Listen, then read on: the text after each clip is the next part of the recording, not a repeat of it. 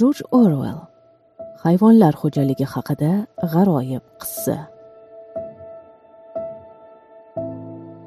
Uchinchi bob. Hosilni yig'ib terib olish uchun juda qattiq mehnat qilishga to'g'ri keldi. Hayvonlar jonlarini jabborga berib astoydil ishladilar. Mukofotlar ham olishdi. Zero hosil ham ular mo'ljalidan mo'lroq bo'lgan edi. O'roq va panshaxa kabi ish qurollari odamlarga ikki oyoqlilarga moslashtirilganligi sababli ham hayvonlar anchagina qiynaldilar. Ularni to'rt oyoqlab ishlatishning ham iloji yo'q edi. Hayvonlar nima qilishlarini bilishmasdi.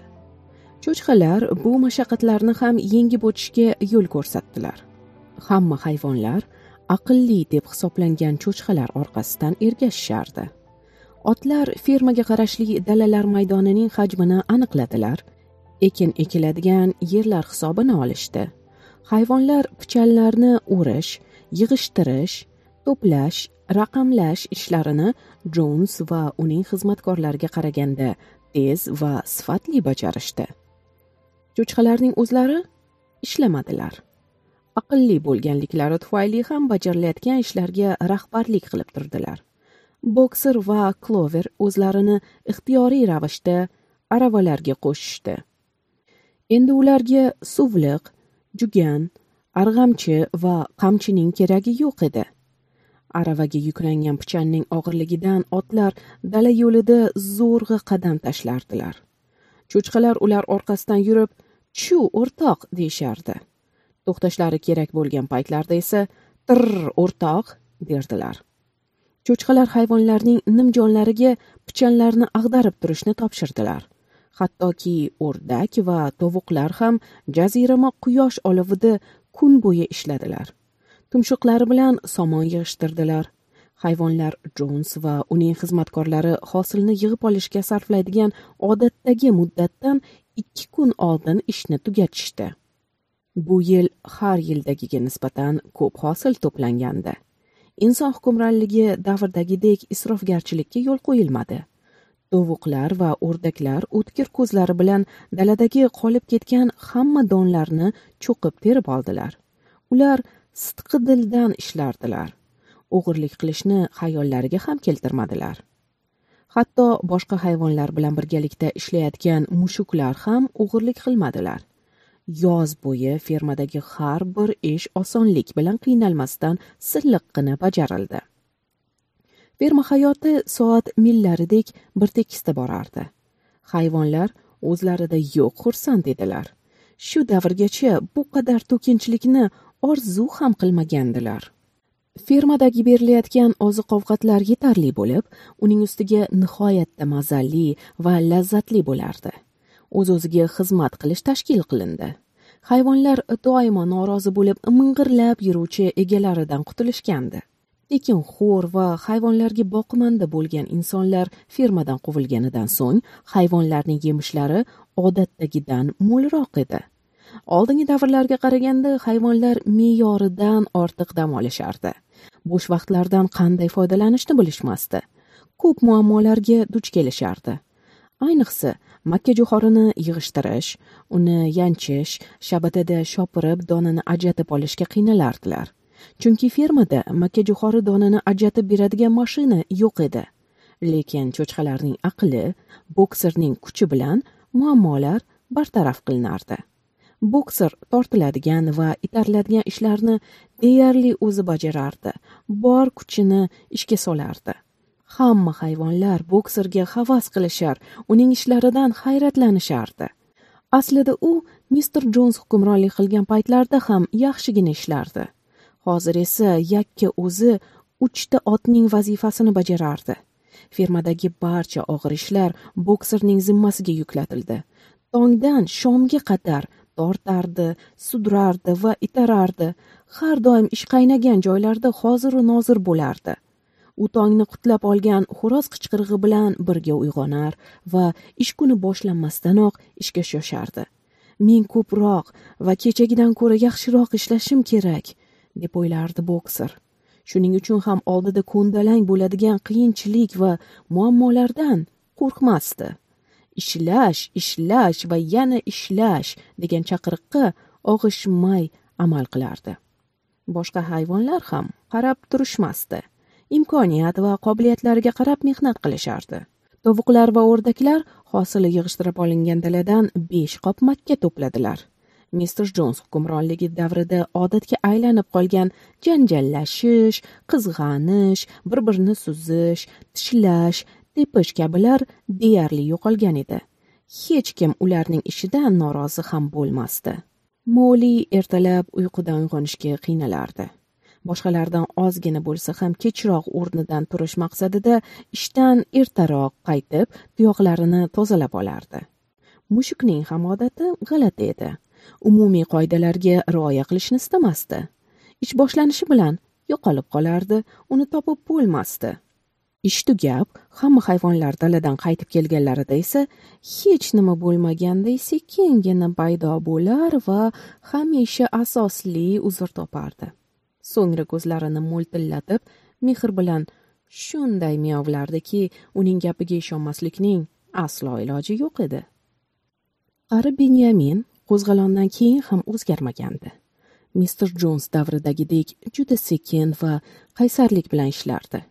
Ish buyurilgan paytda hech qachon yo'q demasdi lekin shoshilmasdi ham. Qo'zg'alon va uning natijalari haqida o'ylashni yoqtirmasdi. Hayvonlar jonsning quvilganidan xursand emasmisan? deb so'rashardi. U esa beparvolik bilan hamma hayvonlarga qaraganda eshaklarning uzoq umr ko'rishi haqida so'zlardi. Gapining oxirida o'lib yotgan eshak murdasini hali umri bino bo'lib hech bir hayvon ko'rmaganligini qayta qayta ta'kidlardi. Farosatsizlik va mantiqsizlik bilan berilgan javoblar oldida hayvonlar sukut saqlashga majbur bo'lishardi. Yakshanba kunlari ish bo'lmasdi. Odatda bu kuni hayvonlar dam olishardi. Nonushta qilishgach biror soatlar chamasi vaqt o'tganidan so'ng tantanalar boshlanardi. Snowball missis jonsning yashil ipakdan qilingan eski dasturxonini eski tuskilar saqlanadigan omborxonadan topib olgandi. Dasturxonning bir chekkasida hayvon shoxi va tuyog'ining oq rangdagi surati bor edi.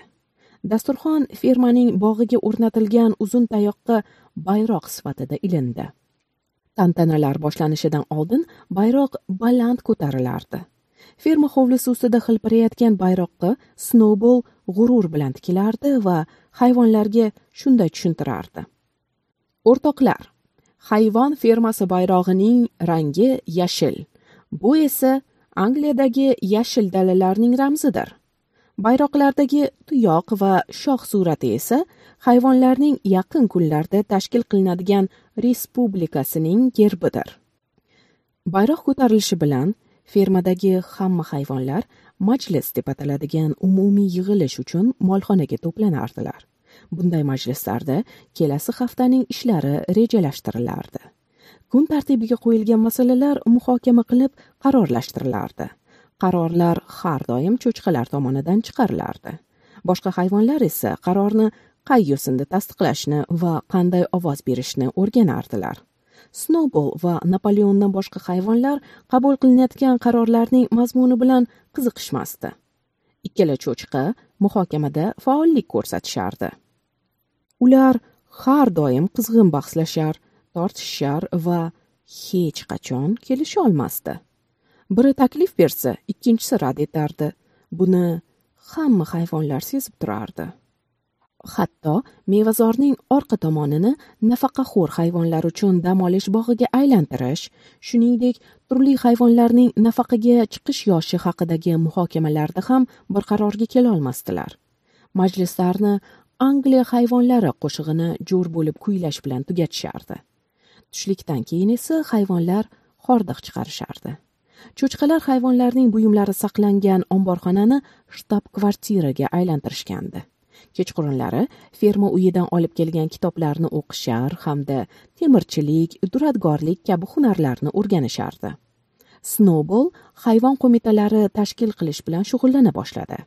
U ishlab charchamas butun kuch quvvatini shu ishga sarflar edi. Tovuqlar uchun tuxum ishlab chiqarish qo'mitasi sigirlarga dum tozalash ittifoqi yovvoyi o'rtoqlar uchun qo'lga o'rgatish qo'mitasi kalamush va quyonlarning qo'lga o'rganishi nazarda tutilgan edi. Qo'ylar uchun jun oqartirish harakati kabi uyushmalarni tuzdi. Shuningdek savod chiqarish darslarini ham boshlab yubordi. Snobol tomonidan tuzilgan qo'mitalar deyarli o'zlarini oqlamadi. Ayniqsa yovvoyi o'rtoqlarni qo'lga o'rgatish qo'mitasi ko'p faoliyat ko'rsata olmadi. Qisqa muddat ichida tugatildi. Yovvoyi hayvonlar yashash tarzini o'zgartirmadilar. Aksincha ko'rsatilgan moddiy yordam va hurmatdan foydalanib qoldilar. Uning o'rniga mushuklarni qo'lga o'rgatish qo'mitasi tuzildi.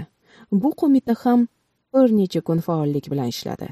Qo'mita a'zolari tomonidan tomda o'tirgan mushuklar va mushuklarga yaqin kelgan chumchuqlar orasidagi munosabatni yaxshilash masalasi ko'rildi. Hamma hayvonlar va parrandalarning teng huquqligi bir birlariga o'rtoq ekanliklari ta'kidlanib tomgi chumchuqlarning ham erkin qo'na olishlari haqida qaror qabul qilindi. Lekin chumchuqlar mushuklar bilan o'rtoqlasha olmadilar. Chunki bu qarorga ishonish qiyin edi. Savodsizlikni tugatish ishlari qizg'in borardi. Bu sohadagi muvaffaqiyatlar sezilib turardi. Kuzga qadar fermadagi hamma hayvonlar yozish va o'qishni turli darajada o'zlashtirib oldilar. Cho'chqalar hamma hayvonlardan ko'ra yaxshiroq yozishar va o'qishardi. Bu sohada ilg'orlik qilishardi. Itlar o'rtacha o'rgandilar lekin ular yetti qoidadan boshqasini o'qishga qiziqishmasdi. Myurel itlardan ozgina tuzukroq o'qirdi. Ko'pincha axlatlar ichidan topib olgan ro'znoma parchalarini boshqalarga o'qib berish bilan shug'ullanardi. Benyamin cho'chqalar kabi o'qishni yaxshi o'zlashtirdi lekin o'rgangan narsasini yozish va o'qishga bo'yni yor bermasdi tanballik qilardi. Klover esa butun alifboni o'rgandi lekin so'zlar tuzib yoza olmasdi. Bokser a b v g d harflarini o'rgana oldi xolos. U tuyoqlari bilan yerga a b v g d harflarini berilib chizardi. Bu mashg'ulot bilan band bo'lgan kezlari quloqlari dikkayib ketardi boshi likillardi. Alifbodagi bu besh harfdan keyingilarini eslashga bor kuchi bilan harakat qilardi. Lekin hech xayoliga keltira olmasdi. Bir necha marta ye yo j ni yozishga urinib ko'rdi. Lekin bu harflarni o'rgangunga qadar avvalgi besh harf a b v g d yodidan ko'tarildi. U o'zi uchun besh harfni o'zlashtirishning o'zi yetarli ekanligini tushundi va o'rganishni to'xtatishga qaror qildi. Bokser o'rgangan harflarni esidan chiqarib qo'ymaslik uchun har kuni bir ikki marta ularni yerga yozardi. Moli esa ismini yozish uchun ishlatiladigan to'rtta harfdan boshqasini o'rganishni istamasdi. Bayrahalardan harflarning shaklini yasab ismini yozardi. Gullar bilan atrofini yasatardi. So'ngra uning atrofida aylanib zavqlanardi shakllarga va gullarga huzur bilan tikilardi. Fermadagi boshqa hayvonlar ham besh harfdan boshqasini o'rgana olmadilar. Tentakroq fahmi farosati yetarli bo'lmagan hayvonlardan qo'ylar tovuqlar o'rdaklar yetti qoidani ham o'zlashtira olmadilar. Snowball o'ylab ko'rib yetti qoidaning bittasini kamaytirish mumkin ekanligini ya'ni qonunning birinchi va ikkinchi moddalarini birlashtirish mumkin ekanligini o'rtaga tashladi. Moddalar qayta ko'rib chiqilib quyidagi holatga keltirildi. To'rt oyoqlilar do'st ikki oyoqlilar dushman. Bu dedi snowball hayvonizmning eng muhim asosidir. Buning mohiyatini har bir hayvon chuqur anglay olsa insonning ta'siridan qutulishi shunchalik oson bo'ladi. Avval qushlar bu fikrga qo'shilmadilar chunki ularning ham faqat ikki oyoqlari bor edi. Lekin snowball bu moddaning to'g'ri ekanligini asoslab berdi. O'rtoqlar dedi snowball. Qushning qanoti uchish odamlarning qo'llari esa ushlash uchun yaratilgan. Odamning hayvonlardan farqlanib turadigan yagona tomoni ham qo'lidadir. Odamlar hayvonlarga qiladigan hamma yomonliklarni qo'li bilan amalga oshirishadi. Narsani qo'li bilan yaratadi. Qushlarning qanotlari esa faqat uchish uchungina xizmat qiladi. Shuning uchun ham qushlarning qanotlarini oyoq kabi qabul qilishingiz kerak.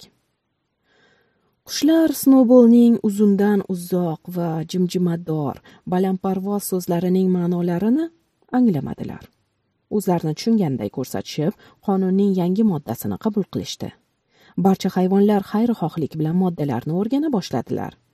Molxona devoriga yozilgan yetti modda ustiga ko'zga ko'rinadigan yirik harflar bilan to'rt oyoqliklar do'st ikki oyoqliklar dushman deb yozib qo'yishdi. Hamma hayvonlar bu moddani yod olishdi. Ayniqsa bu modda qo'ylarga yoqib qoldi. Fermadagi dalalarda o'tlab yurganlarida boshlarini tez tez ko'tarib to'rt oyoqlilar do'st ikki oyoqlilar dushman deb jo'rlikda marardilar. Soatlar davomida bu mashg'ulotni davom ettirishar va bu mashg'ulotdan charchashmasdi. Napoleon snobol shug'ullanayotgan qo'mitalar bilan qiziqmadi. Uning o'ylashi bo'yicha snowballning qo'mitalari katta yoshdagi hayvonlar va ularning manfaatlari uchun mo'ljallangandi. Yoshlarning ma'lumot olishlariga esa e'tibor qaratilmagandi. Pichan hosili yig'ib terib olinganidan keyin jessi va blubell to'qqizta laychani tug'ib berishdi. Napoleon kuchukchalar ko'krakdan chiqqanlaridan so'ng onalaridan ajratib olib ularning tarbiyasi bilan shaxsan o'zi shug'ullana boshladi. Kuchukchalarni omborxona tomi ustidagi narvon bilan chiqiladigan cherdak ichiga qo'ydi. Laychalar o'sha yerda o'sa boshlashdi. Hatto fermadagi hayvonlar ularning borligini ham unutib qo'ydilar. Fermadagi sigirlardan sog'ib olinayotgan sutlarning qayerga ishlatilayotganligi qattiq sir tutilardi. Keyinchalik esa hayvonlarning o'zlari ham bunga e'tibor bermay qo'yishdi. Sutlar cho'chqalarning ovqatlari uchun ishlatilardi. Mevazordagi maysalar ustida to'kilib yotadigan olmalarni hayvonlar teng baham ko'rishardi. Cho'chqalar olmalarni yig'ib olish va omborxonaga keltirishga buyruq berishdi. Bu voqea hayvonlar orasida norozilik keltirib chiqardi. Cho'chqalar hayvonlar orasida uyg'ongan norozilikni yo'qotish uchun tushuntirish ishlarini boshlab yubordilar. Bu harakatga napoleon va snowball ham qo'shildi. Skuiler tushuntirish ishlarini olib borish uchun safarbar qilindi. O'rtoqlar dedi u cho'chqalar bu ishlarni o'zlari yoki o'zlariga imtiyoz yaratish uchun qilishyapti deb o'ylamang. Aslida biz cho'chqalar sut va olmani yoqtirmaymiz. Bizning yagona maqsadimiz salomatligimizni saqlab qolishdir. Sut va olmalar tarkibida cho'chqalarni sog'lomlashtiruvchi kuchli moddalar bor. O'rtoqlar bu fanda ilmiy jihatdan asoslangan. Biz cho'chqalar esa o'zingizga ma'lum aqliy mehnat bilan shug'ullanuvchi hayvonlarmiz. Hayvon fermadagi hamma ishlarni tashkil qilish esa gardanimizga yuklatilgan. Biz kechani kecha kunduzni kunduz demay farovon yashashingiz uchun xizmat qilamiz.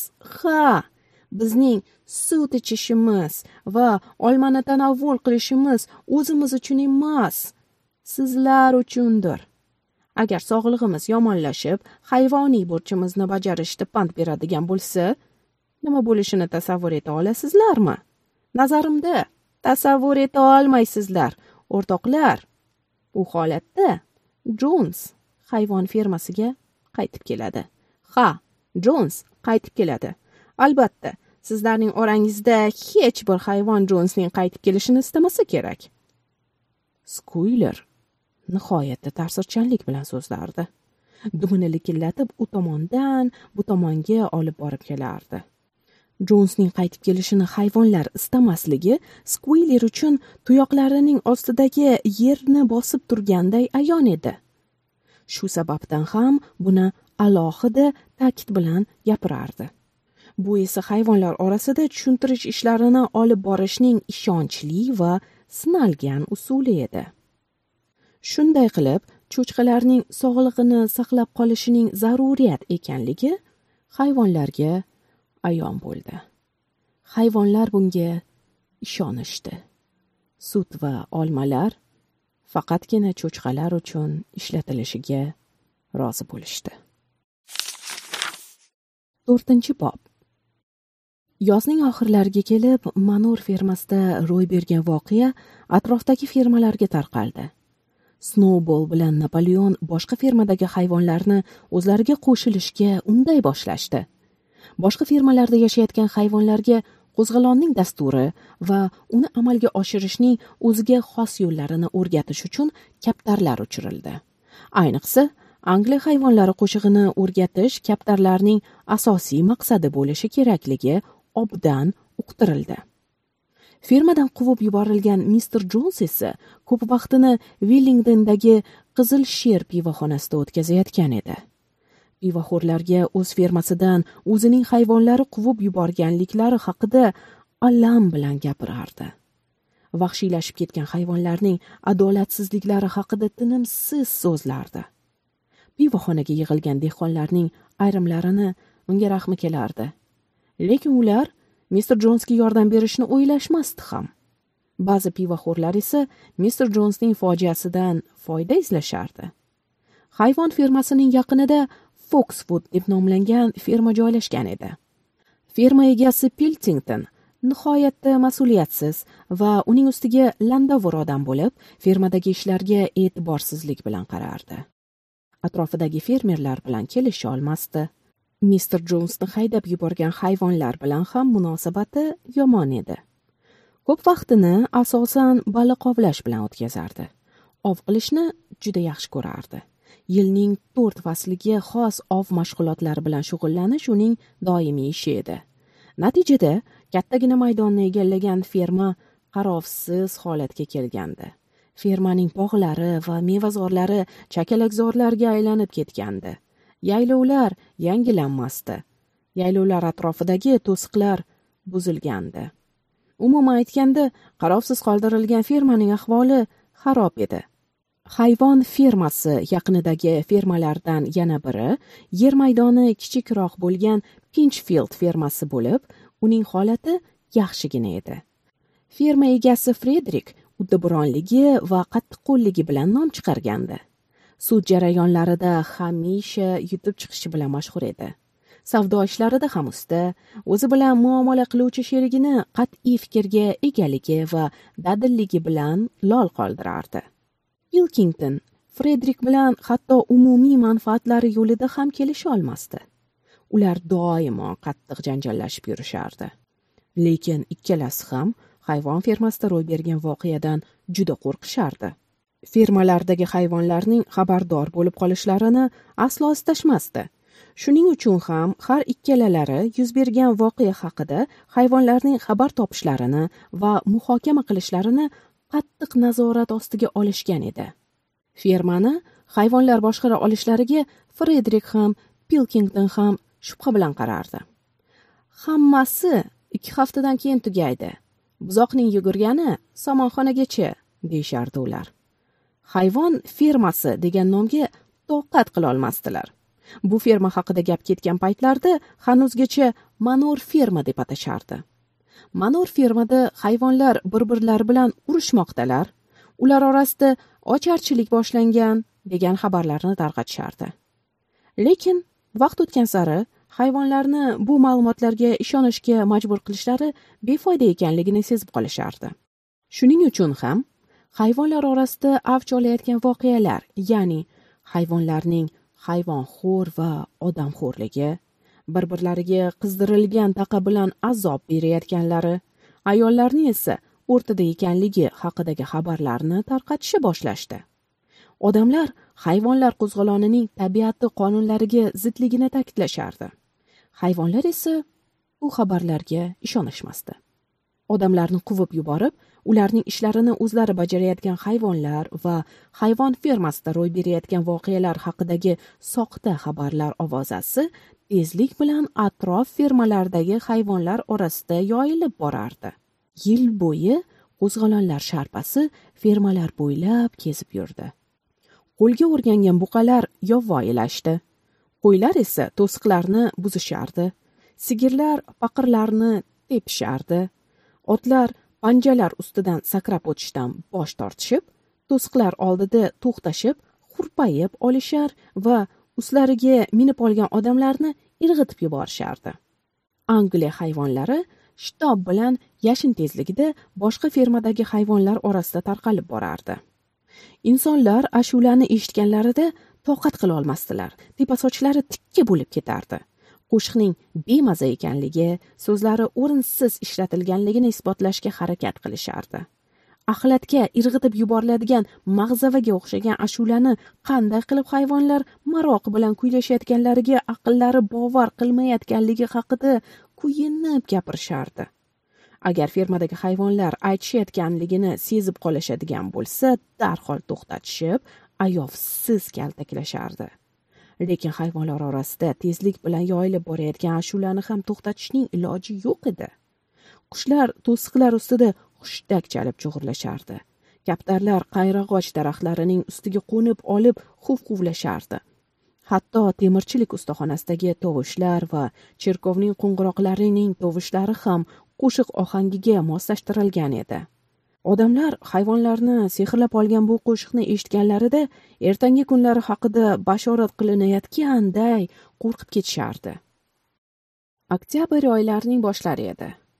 Hayvonlar makkajo'xori poyalarini o'rib bir joyga to'plab navlarga ajratayotgan edilar. Kaptarlar guruhi hayvon fermasi hovlisiga uchib kelib bezovtalik bilan yerga qo'ndilar.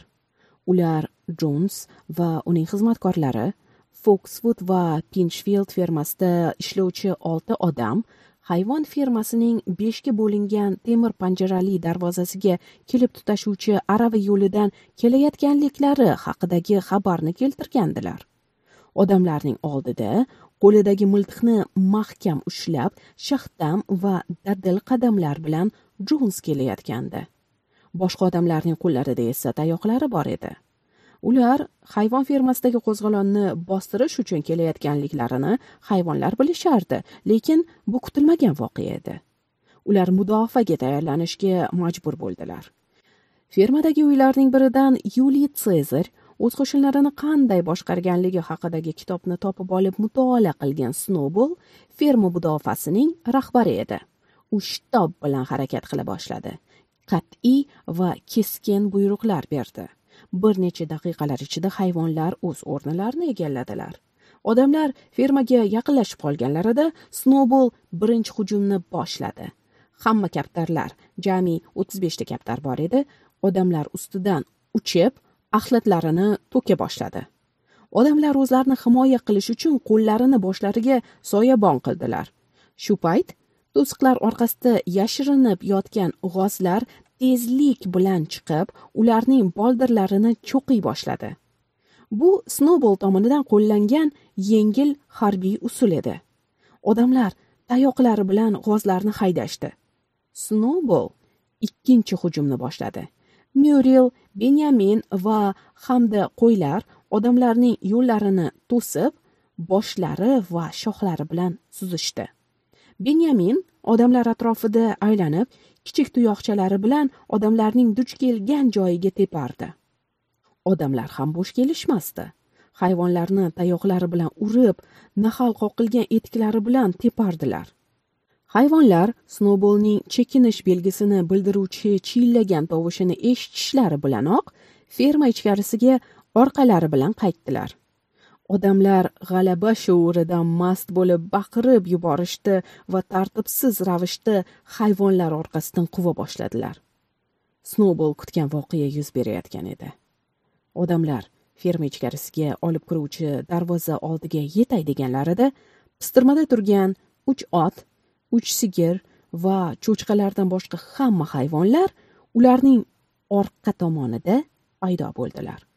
Snowball hujum qilishga ishora berdi. Chekinayotgan hayvonlar birdaniga orqaga qaytdilar. Bir zumda hayvonlar odamlarni orqa va old tomonidan o'rab olishdi va darhol hujum boshlashdi. Snoubolning o'zi esa jonsning ustiga bostirib kela boshladi. Jons miltig'ini snoubolga to'g'irlab turib tutdi. Jons miltig'ini snoubolga to'g'irlab turib snowballning orqasini yalab o'tib qonli iz qoldirdi. Uning orqasidagi qo'y ag'darilib ketdi. Vazni to'qson besh kilogramm bo'lgan snowball zarb bilan kelib jonsni tepib yubordi. U uyilib yotgan axlat ustiga uchib tushdi. Miltig'i qo'lidan chiqib o'zidan nariroqqa otilib ketdi. Oyoqlarini osmonga ko'tarib turib bokserning bor ovozi bilan kishnashi juda dahshatli edi. U muskullariga bor kuchini to'plab turib taqa qoqilgan bahaybat tuyoqlari bilan odamlarga hamla qilardi. Uning birinchi zarbasi foksfud fermasida xizmat qiluvchi otboqarning boshiga tushdi. Otboqar ko'lmak suvga chalqanchasiga ag'darilib nafasi ichiga tushib ketdi. Buni ko'rib turgan boshqa odamlarning yuragi orqasiga tortib ketdi va tayoqlarini qo'llaridan irg'itib yuborib orqa oldilariga qaramay qochishdi. Ular qo'rquvdan o'zlarini yo'qotib dag' dag' titrardilar. Hayvonlar qochayotgan odamlarni taqib qilardilar. Har bir hayvon o'z holicha odamlardan qasos olishardi. Shoxli hayvonlar suzar tepar tishlar va odamlarni tuyoqlari ostiga olib ezg'ilardilar. Shoxlari esa odamlar tanasining ichiga botib kirardi. Hattoki tomda o'tirgan mushuk ham bir odam ustiga to'satdan sakradi va o'tkir tirnoqlarini uning bo'yniga botirdi. Odam baqirib yubordi. Odamlar hayvon fermasi hovlisidan qochib katta yo'lga chiqib sharmandalarcha chekinib borardilar. G'ozlar galasi ularga yetib olib g'ag'alashib oyoqlarini cho'qiy boshlashdi. Odamlar jon jahdlari bilan qochishdi. Bokser ferma hovlisidagi iflos ko'lmak suv ichida yotgan oshxona xizmatchisining tanasini qimirlatib ko'rdi. Tirikligini bildiruvchi biron nishon ko'rinmadi. Oyoqlari jonsiz edi. O'lmasligi kerak edi dedi bokser alam bilan. Tuyoqlarim ostiga qachon taqa qoqilganini unutib ham qo'yibman. Hissiyotga berilmang. Dedi snowball o'rtoqlarcha uning yelkasiga qo'lini qo'yib. Uning yarasi hanuzgacha ochiq edi. Qon chakillab tomib turardi. Urush urushdi deb davom etdi snowball. U qurbonsiz bo'lmaydi. Ko'pincha urushning o'qiga yaxshi hayvonlar duch kelishadi. Men esa o'limni hattoki odamlar o'limini ham xohlamayman. Shu payt hayvonlar orasidan qaysi biridir molli qayerda? U yo'qku deb so'radi. Haqiqatdan ham ular orasida molli ko'rinmasdi. Odamlar mollini yarador qilganliklari yoki uni o'zlari bilan asir tushirib olib ketganliklari haqida vahimali o'ylar hayvonlarni bezovta qilardi. Mollini qidira boshladilar. Uni otxonadagi supa ustiga o'rnatilgan oxur ichidagi pichan orasiga boshlarini suqib olgan holda topdilar. Miltiq tovushlaridan vahimaga tushgan moli otxona ichiga qochib kirib yashirinib olgan edi. Hayvonlar molini topib ferma hovlisiga qaytganida ko'lmak ichida yotgan oshxona xizmatchisi yo'q bo'lib qolgan edi. Hushiga kelib qochib ketgan edi. Hayvonlar yovvoyi ehtiros ichida bir birlariga so'z bermay jang payti ko'rsatgan qahramonliklari haqida shovqin solib gapira boshlashdi. So'ngra qo'lga kiritilgan g'alabani nishonlash tantanalarini boshladilar. Ferma hovlisidagi bayroqni baland ko'tarishdi. Angliya hayvonlari qo'shig'ini bir necha marotaba takrorladilar. So'ngra jang payti o'q tegib shahid bo'lgan qo'yni ko'mish marosimini o'tkazishdi. Marosimda snowball qisqagina nutq so'zladi. Hayvon fermasini saqlab qolishimiz uchun jonimizni ham fido qilishga tayyor turishimiz kerak deb nutqini tugatdi. Qo'yning qahramonligi boshqa hayvonlar uchun ibrat bo'lishi kerakligini ta'kidladi. Qo'yning jangda shahid bo'lish sabablariga alohida urg'u berdi. Qo'y dafn etilgan qabr boshiga buta ekishdi. Keyingi kuni o'tkazilgan majlisda hayvonlar bir ovozdan qahramon hayvon harbiy ordenini ta'sis etish haqidagi qarorni tasdiqlashdi. Snowball bilan bokser bu ordenning dastlabki laureatlari bo'lishdi. Bronzadan qilingan bu orden mister jons hukmronligi vaqtida yakshanba va bayram kunlari otlarni bezatish uchun ishlatilardi. Hayvonlar uni omborxonadan topgan edilar. Jangda halok bo'lgan qo'yga esa o'limidan so'ng o'n birinchi darajali qahramon hayvon ordenini berishdi. Bo'lib o'tgan jangni abadiylashtirish ustida ham ko'p tortishishdi. Nihoyat molxona jangi deb nomlashga qaror berishdi. Jang bo'lib o'tgan ferma hovlisi yaqinida molxona joylashgan edi.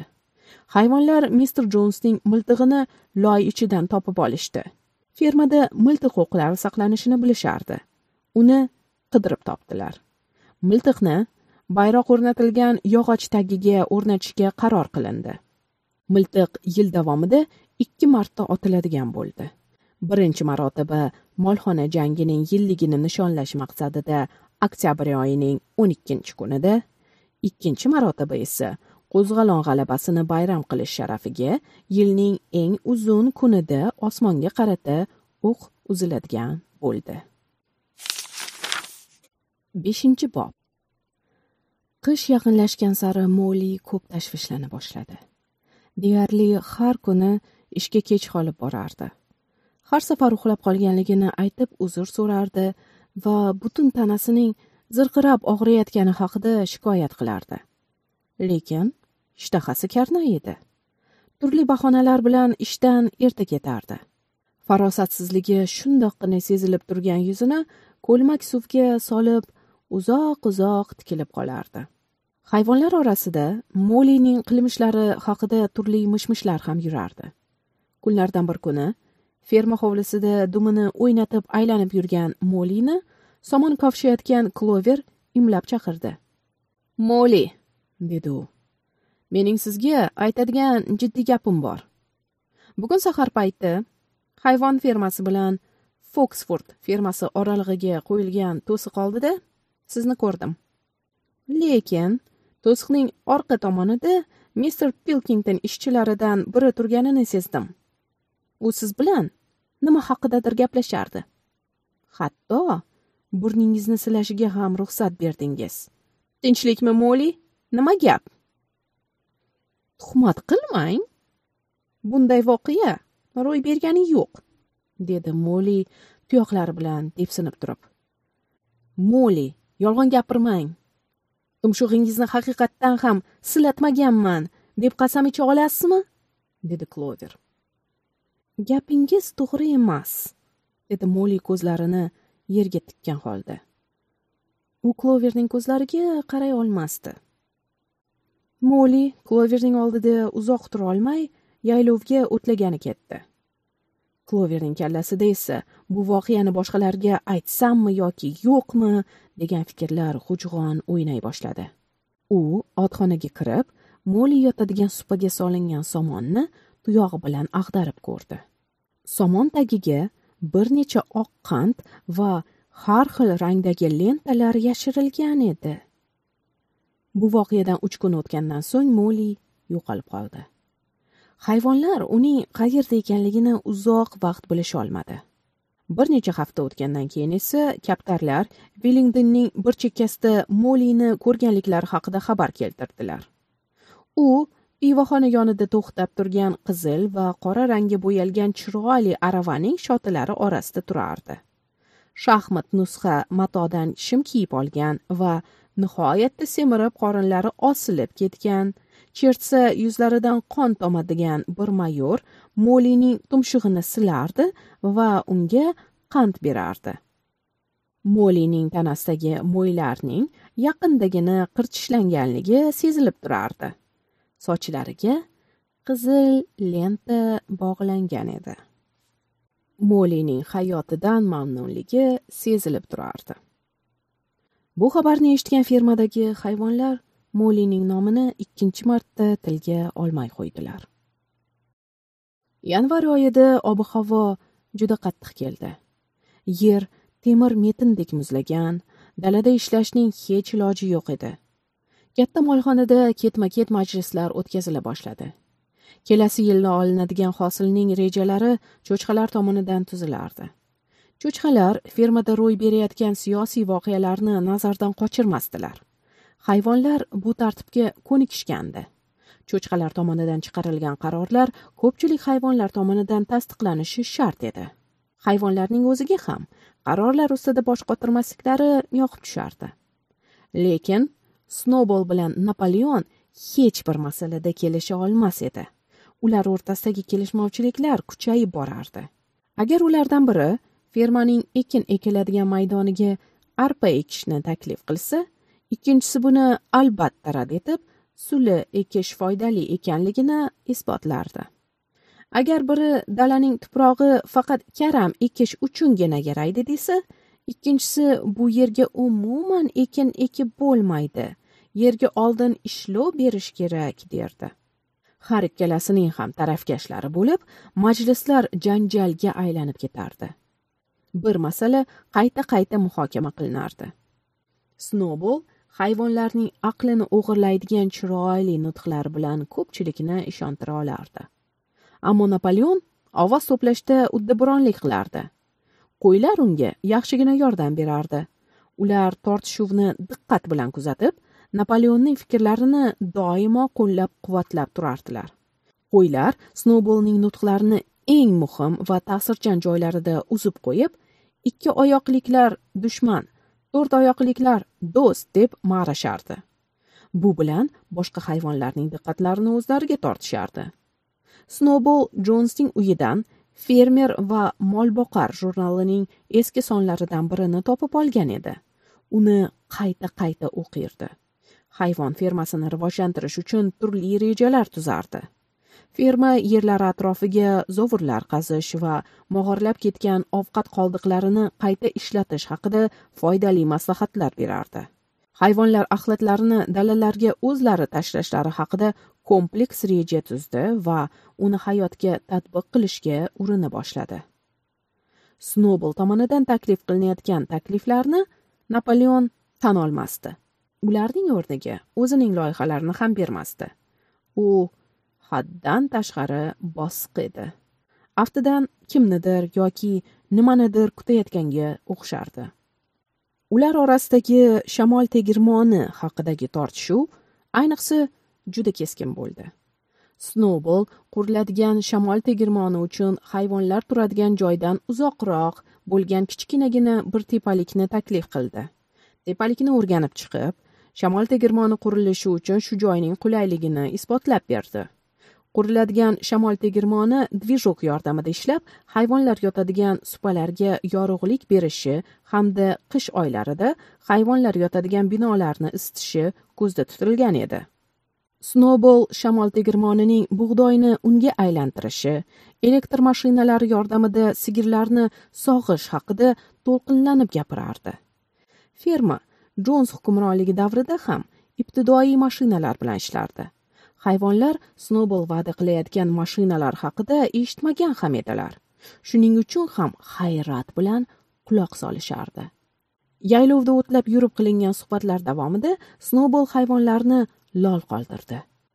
Kelgusida yaratiladigan turli elektr mashinalarni tasvirlab berib hayvonlarning aqlini shoshirardi. Oradan yetti hafta o'tganidan keyin shamol tegirmonining loyihasi tayyor bo'ldi. Snobol shamol tegirmoni loyihasi bilan bog'liq mexanikaga oid bilimlarini mister jonsga qarashli bo'lgan uch kitobdan o'rganardi. Har bir erkak o'z oilasi zaruriyatidan kelib chiqib ming bir hunarni bilishi kerak deb hisoblardi. Ayniqsa g'isht terish qo'lidan kelmaydigan birorta ham hayvon bo'lmasligi kerak deb o'ylardi. Shamol tegirmonining loyihasini chizish uchun mister jons davrida yangi tug'ilgan qo'zilarni parvarishlash uchun ajratilgan xonani tanladi. Xonaning poli tekis edi shuning uchun ham ish kabinetiga aylantirgandi. Snoubol xonada kun bo'yi qolib ketardi. O'qiyotgan kitobining kerakli sahifasining bir tomoniga tosh bostirib qo'yardi ikkinchi sahifasini esa panjalari orasiga olardi. Ikkinchi oyog'i bilan esa qo'lga chizilgan loyihani mukammallashtirib borardi. Dumi esa devor soatining toshlari kabi u yoqdan bu yoqqa borib kelardi. Ba'zan boshini ko'tarib xursandchilik bilan eh! deb yuborardi. Bora bora shamol tegirmonining tishlari va parraklari loyihada mukammallashib borardi. Chigalliklar yechila borib shamol tegirmonining loyihasi xona polining yarmidan ko'pini egallab oldi. Boshqa hayvonlar chizmalarga umuman tushunmas edi. Shunga qaramay chiziqlarga qiziqsinishib obdon tikilishardi. Boshlarini chayqab hayratlanishardi. Loyihaning tayyor bo'lishini esa intiqlik bilan kutardilar. Hech bo'lmaganda kuniga bir marta hayvonlar aqlli snoubolning chizma chizishini tomosha qilish uchun kelishardi. Hatto hech nimaga aqli yetmaydigan tovuqlar va o'rdaklar ham loyihalarga qiziqishardi. Hayvonlar bo'r bilan chizilgan chizmalarni bosib olmaslik uchun ehtiyotkorlik bilan qadam tashlashardi. Faqat napoleon kelmasdi xolos. Napoleonning shamol tegirmoni qurilishiga qarshi ekanligini hamma hayvonlar bilishardi. Uning o'zi buni oshkora aytgan edi. Shunga qaramasdan kunlardan bir kuni kutilmaganda loyihani tekshirib ko'rish bahonasi bilan snobl ishlayotgan xonaga kirib keldi. Atrofni sinchiklab qarab chiqdi. Loyihani ham yaqin kelib kuzatib chiqdi. So'ngra burnini bir necha marta tortib ko'zlarining qiri bilan snoubolga ma'nodor nazar tashladi va birdaniga oyoqlarini ko'tarib turib loyiha ustiga siyib yubordi. So'ngra lom lim demasdan orqasiga qaytib ketdi. Fermadagi hayvonlar allaqachon ikki guruhga ajralib ketgan edilar. Ular shamol tegirmon loyihasi va uning qurilishi haqida baqirib chaqirib janjallashishardi. Snowball qurilishning og'irligini inkor etmasdi. Toshlarni kesish ulardan poydevor va devorlar ko'tarish oson ish emasligini tan olardi. Qurilish uchun yelkan generator va kabellar kerakligini ta'kidlardi lekin ularni qayerdan sotib olishni aytmasdi. Hatto hayvonlar astoydil mehnat qilsalar qurilishni bir yilda tugatish mumkinligini va buning uchun esa hayvonlar haftaning har uch kunida hashar qilishi kerakligini ma'lum qilardi. Napoleon oziq ovqatni ko'paytirish ishlab chiqarishni kuchaytirish haqida qayg'urardi. Agar fermadagi hamma kuch shamol tegirmoni qurilishi uchun sarflanadigan bo'lsa hayvonlar och qolishi muqarrarligini qayta qayta ta'kidlardi. Snowball esa chiroyli nutqlari va chaqiriqlari hamda hayvonlar aqlini o'g'irlaydigan shiorlari bilan haftaning uch kunida hashar yo'li bilan ishlashlariga rozi bo'lib ovoz berishga undardi. Napoleon esa oxirlaringizni yem va tortlarga to'liq bo'lishi va oziq ovqatlaringizning serobgarchiligi uchun oyoqlaringizni ko'taring derdi. Xullas hayvonlar ikki lagerga bo'lingandilar. Ular orasida faqat benyamingina betaraf edi. Uning nazarida oziq ovqatni ko'paytirish ham shamol tegirmonini qurish ham fermadagi hayvonlar hayotini yaxshilashga yordam bermasdi. Shamol tegirmoni qurilsa ham va qurilmasa ham turmush bir tekisda davom etib umr o'taveradi. Shamol tegirmoni qurilishi yaxshilikka olib bormaydi deb o'ylardi. Hayvonlar shamol tegirmoni qurilishidan tashqari hayvon fermasining himoyasi ustida ham bosh qotirishardi insonlar molxona jangida mag'lub bo'lishgan bo'lsa ham xohlagan paytlarida yana hujum boshlashlarini bilishardi. Birdan bostirib kelib fermani mister jonsga olib berishlari tabiiy hol edi. Buni har qadamda kutish mumkin edi. Hayvonlar buning o'ziga xos sabablari borligini sezib turishardi. Insonlar ustidan g'alaba qozongan hayvonlar haqidagi xabarlar yer yuzi hayvonlar orasida tezlik bilan tarqalib borardi. Fermalardagi hayvonlarning tinchi buzilib borayotgandi. Ular ham insonlarga qarshi qo'zg'olon ko'tarish harakatiga tushib qolishgan edi. Mudofaa muammosini hal etishda ham odatdagidek napoleon snowball bilan kelisholmasdi napoleon qurollar sotib olib hayvonlarni qurol ishlatishga o'rgatishni muhim deb hisoblardi. Snowball esa yer yuzidagi fermalarda yashovchi hayvonlar orasida targ'ibot ishlarini olib borish uchun kaptarlarni safarbar qilishga ko'proq ishonardi. Kaptarlar yordamida qo'zg'olonga undashning afzalliklari haqida jo'shib va'z aytardi. Yer yuzidagi mavjud fermalarning hammasida qo'zg'olon ko'tarilib g'alaba qozonadigan bo'lsa himoyani o'z o'zidan keragi bo'lmaydi deb tushuntirishga harakat qilardi. Hayvonlar avval napoleonni tinglashardi so'ngra snowballga quloq solishardi. Lekin qaysi biri haq ekanligini ajratolmasdilar shuning uchun ulardan qaysi birining nutqi ta'sirchan bo'ladigan bo'lsa o'sha yoqqa qarab og'ib ketishardi. Aravani ot qaysi tomonga tortadigan bo'lsa o'sha tomonga qarab yo'l olishardi. Nihoyat snowball shamol tegirmonining loyihasi tugaganligini e'lon qildi. Uning qurilishi haqidagi masalani hayvonlar orasida ovozga qo'yish vaqti ham yetib keldi.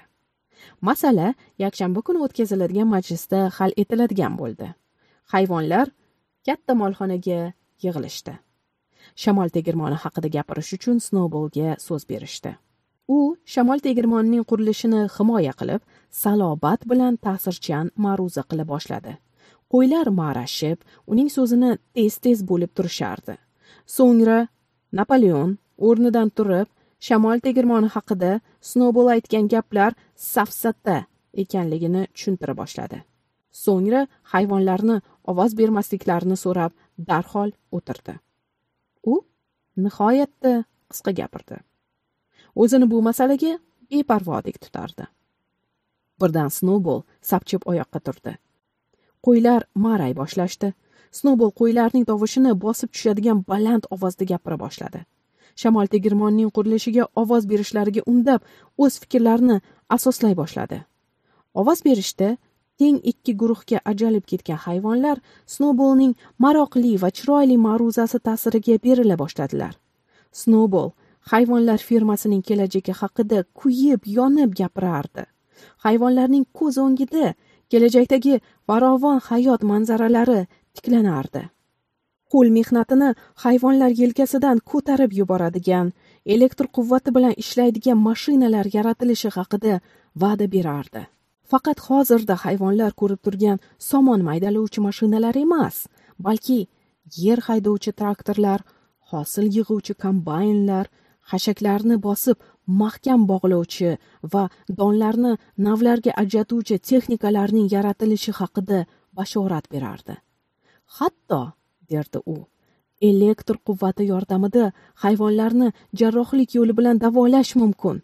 Undan tashqari elektr nurlari yordamida har bir hayvon supasiga yorug'lik uzatilishi issiq va sovuq suvlarning olib borilishi xonalarning isitilishi haqida so'zlardi. Hayvonlar butun xotirlarini jamlagan holda diqqat bilan quloq solishardi. Ularning yuzlaridan snowballga xayrixoh ekanliklari sezilib turardi. Ularning shamol tegirmoni qurilishi uchun ovoz berishlariga shubha ham qolmagan bo'lardi. Kutilmaganda napoleon sakrab o'rnidan turib ketdi. Ko'zlarini o'qraytirib g'azab bilan snowballga qaradi va hayvonlar shu paytgacha eshitishmagan vahimali ovoz bilan chiyilladi. Tashqaridan esa hayvonlarni dahshatga soladigan xurish eshitildi. So'ngra bronza ko'zli bo'yinbog' taqqan to'qqiz it harbiycha qadam tashlab molxonaga kirishdi va to'g'ri snowballga qarab yurdilar. Itlar tishlarini g'ijirlatib g'azabga mingan holda irillab o'zining ustiga bostirib kelayotganligini ko'rgan snowball qo'rqib ketganidan shoshib qoldi.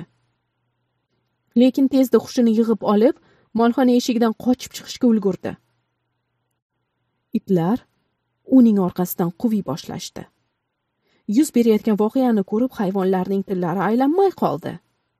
Qo'rqqanlaridan dah dah titrashib ularni so'zsiz kuzatishardi.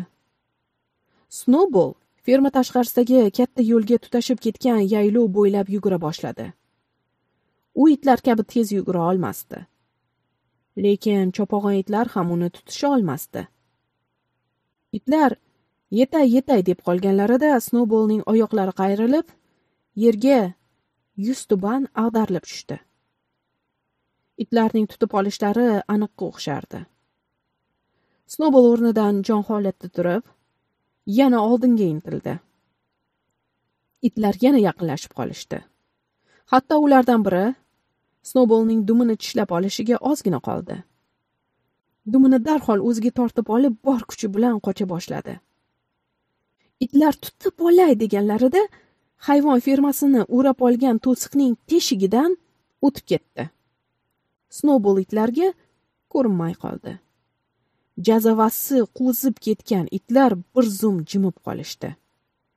So'ngra orqalariga qaytdilar. Dadil va og'ir qadamlar bilan molxona binosiga qaytdilar. Avvalgi hayvonlar dahshat soluvchi itlarning qayerdan kelib qolganligini anglasha olmadi. Lekin kuchuklar terisini qoplab olgan junlarning rangidan va ularning sumbatidan dresi va Bluebellning laychalari ekanligini tushunishdi. Ularning yoshlari katta bo'lmasa ham bahaybat ko'rinardilar. Bo'ridek shiddatli va qo'rqinchli bo'lgan bu itlarni napoleonning atrofida aylanib yurishganini hayvonlar ko'rishgandi. Itlar avvallari Mr. Jonesning oldida dumlarini likillatib qanday erkalangan bo'lsalar napoleonning oldida ham shunday erkin harakat qilishardi. Hayvonlar buni sezib turishardi. Napoleon qari mayor nutq so'zlagan polning baland qismiga chiqdi. Hayvonlarni bir bir ko'zdan kechirib biroz to'xtaldi. So'ngra bugundan boshlab yakshanba kunlari majlislar bo'lmasligini e'lon qildi. Shuncha paytdan beri majlislar uchun hayvonlarning juda ko'p vaqtlari sarf bo'lganligini aytib taassuflandi. Bundan keyin hayvon fermasidagi barcha muammolarni cho'chqalardan tashkil topgan maxsus qo'mita hal qilishligini e'lon qildi. Bu maxsus qo'mitaga napoleon rahbarlik qilardi. Qo'mita a'zolari masalalarni hal qilish uchun alohida yig'ilishardi. Qabul qilgan qarorlarni fermadagi hayvonlarga yetkazish bilan shug'ullanishardi. Hayvonlar har yakshanba kuni chaqirilardi. Lekin ular napoleon bilan harbiychasiga salomlashishar va angliya hayvonlari qo'shig'ini kuylashar so'ngra qabul qilingan qarorlarni eshitishardi. Snowballning fermadan haydalishi ular orasida norozilik tug'dirgan bo'lsa ham buni tillariga chiqarishga hayiqishardi. Agar oldingi majlislarda bo'lganidek munozaralar bo'lib turganida e'tirozlarni bildirishga imkoniyat topishardi afsuski hayvonlar endi u imkoniyatlarini yo'qotib bo'lgandilar. Bokser nihoyatda notinch edi boshini qimirlatib sochlarini silkitib quloqlarini dikkaytirib fikrlarini bir joyga to'plashga va bo'lib o'tgan voqeani tushunishga harakat qilardi. Lekin snoubolning haydalishiga aytarli sabab topolmasdi. Majlis voqealarini xayolida qayta qayta tiklardi. O'sha majlis o'tkazilgan kuni oldingi qatorda o'tirgan to'rtta yosh cho'chqa bo'lib o'tgan voqeani ma'qullamaganliklarini bildirishib chiyillashdi ular birdaniga baravariga o'rnilaridan turib bir birlariga so'z bermay baravariga gapira boshlashdi. Shunda napoleonning atrofini o'rab o'tirgan itlar xavf solib irillashdi. Cho'chqalar darhol jim bo'lishib joylariga o'tirishdi. Qo'ylar to'rt oyoqliklar do'st ikki oyoqliklar dushman deb ma'ray boshlashdi. Chorak soat davom etgan muhokama shu tarzda yakunlangandi. Snobol haydalgandan keyingi yakshanbada skviler cho'chqalar qo'mitasi qabul qilgan qarorlar bilan hayvonlarni tanishtirdi. O'rtoqlar! deb so'z boshladi skviler o'rtoq napoleon mashaqqatli va og'ir vazifani bajarishni o'z ustiga olyapti. Bu bilan fermaning iqtisodini mustahkamlash qo'zg'olon g'alabasi bergan ozodlikni qo'limizda saqlab qolish uchun o'zini fido qilmoqda. Men sizlarni ishontirib aytamanki muhtaram napoleon yelkasiga olayotgan bu mas'uliyat talab qiluvchi ish haqiqatdan ham qurbonlik talab qiladigan mehnatdir. O'rtoqlar rahbarlikni rohat va farog'at deb o'ylamang. Aksincha hayvon fermasini boshqarish uchun chuqur bilim shijoat va mas'uliyat kerak bo'ladiki hayvonlarning teng huquqligini muhtaram napoleonchalik tushunadigan va uni himoya qiladigan hayvon oramizdan topilmaydi. Haqiqatda sizlarning mustaqil fikrlashlaringizni ko'rib o'rtoq napoleon nihoyatda xursand bo'ladi.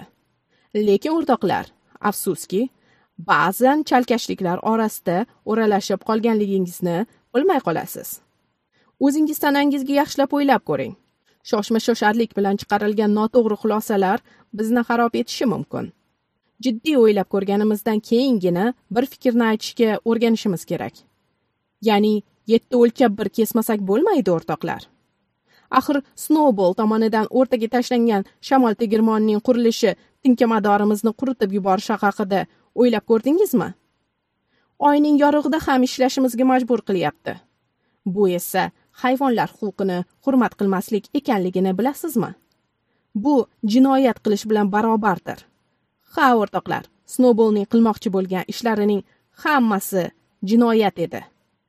U hayvon manfaatlarini himoya qilmaydigan va o'zi haqidagina qayg'uradigan jinoyatchi edi. Agar snowballga ergashganimizda ahvolimiz nima bo'lishini tasavvur qila olasizmi? Yo'q tasavvur eta olmaysiz. Bizning holimizga maymunlar yig'lardi. Molxona jangida mislsiz qahramonlik ko'rsatgan edi dedi past ovoz bilan qaysidir hayvon. Qo'zg'alon g'alabalarini saqlab qolishimiz uchun qahramonlikning o'zi kamlik qiladi dedi skviler hozirgi kunimizda sodiqlik haqida o'ylashimiz kerak. Bugungi kunda hayvon fermasini boshqarayotgan rahbarga bo'ysunish juda muhim. Shuni aytish kerakki molxona jangida snowballning ko'rsatgan xizmatlariga berilgan baho nihoyatda oshirib yuborilgan. O'rtoqlar hozir intizom. Temir intizom kerak. Intizom bugungi zaruriyatdir. Bir noto'g'ri yoki yanglish qo'yilgan qadam dushmanlarimiz bo'lgan ikki oyoqli insonlarning qaytib kelishiga yo'l ochadi. O'rtoqlar sizlar esa albatta jons va uning xizmatchilarini qaytib kelishini istamaysiz. Hayvonlar bahsni to'xtatdilar. Chunki jons va uning xizmatkorlarining fermaga qaytib kelib o'zlarining ustidan hukmronlik qilishlarini xohlashmasdi.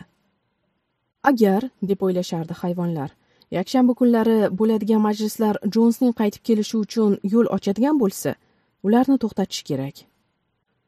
Bokser hayvonlarning xayoliga kelgan bu fikrlarni shunday ifodaladi. O'rtoqlar agar o'rtoq napoleon shunday deb aytayotgan bo'lsa bunga ishonavering shu kundan boshlab napoleonning so'zlarini tasdiqlash bokserning doimiy shioriga aylandi. Uning men ko'proq va yaxshiroq ishlashim kerak degan shiori yoniga napoleonning hamma so'zlari haqiqat degan yana bir shior qo'shildi.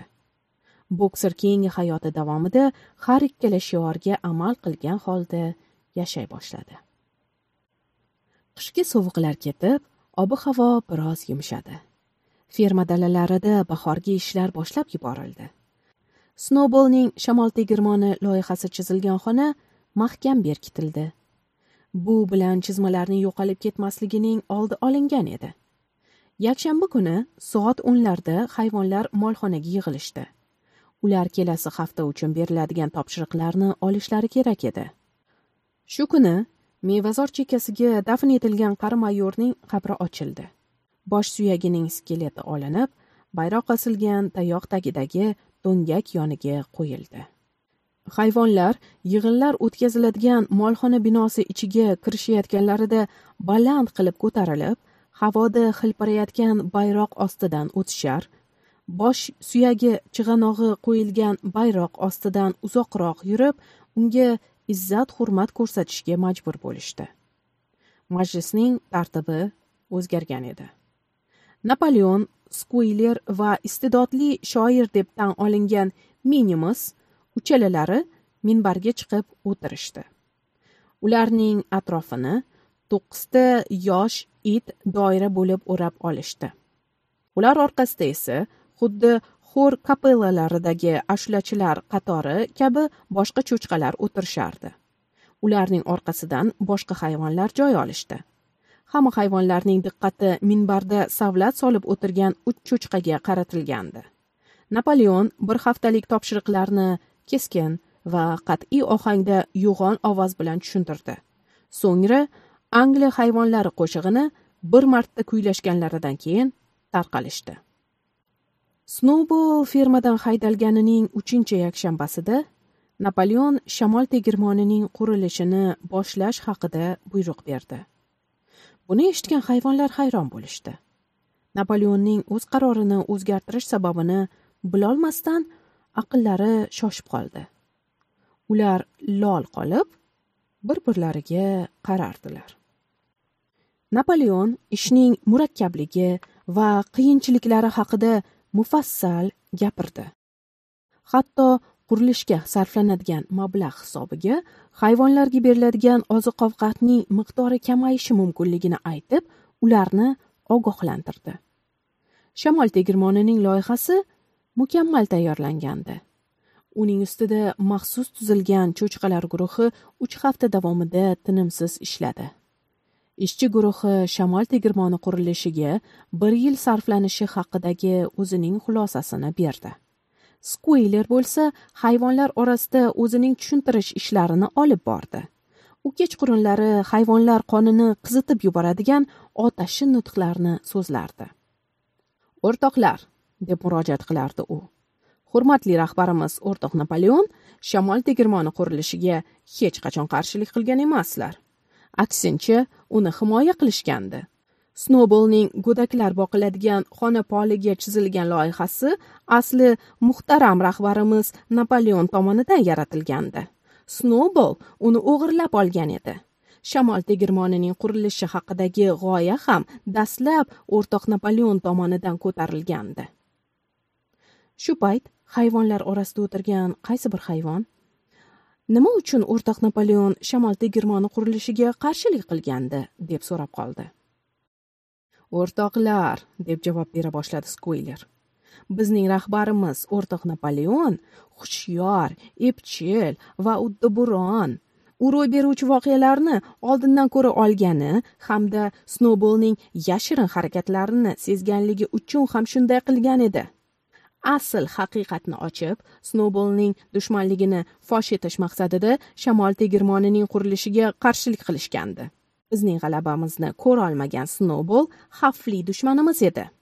Ta'sirchan va chiroyli ma'ruzalari bilan o'zining asli maqsadini niqoblab olgandi.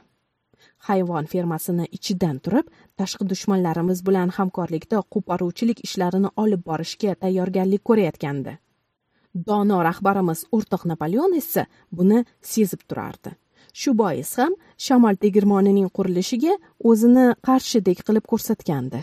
Bu snoubolning dushmanligini fosh etish va bo'ladigan ko'ngilsiz ishlarning oldini olish uchun qilingan ishlardan biri edi. Buni harbiylar va siyosatchilar taktika deb ataydilar. Skuyler oxirgi jumlani uch marotaba baland ovoz bilan takrorladi va dumini likillatib maroq bilan ayyorona kuldi. Hayvonlar bu so'zlarning ma'nosini aniq tushunmasalardi. Skuylerning so'zlaridagi ishontirish quvvati ularning aqllarini o'g'irlab muhokama qilish hofizasini yo'qotdi. Uning ustiga itlardan uchtasi tahdid solib irilladi. Natijada skuylerning fikrlari hayvonlar tomonidan so'zsiz qabul qilindi.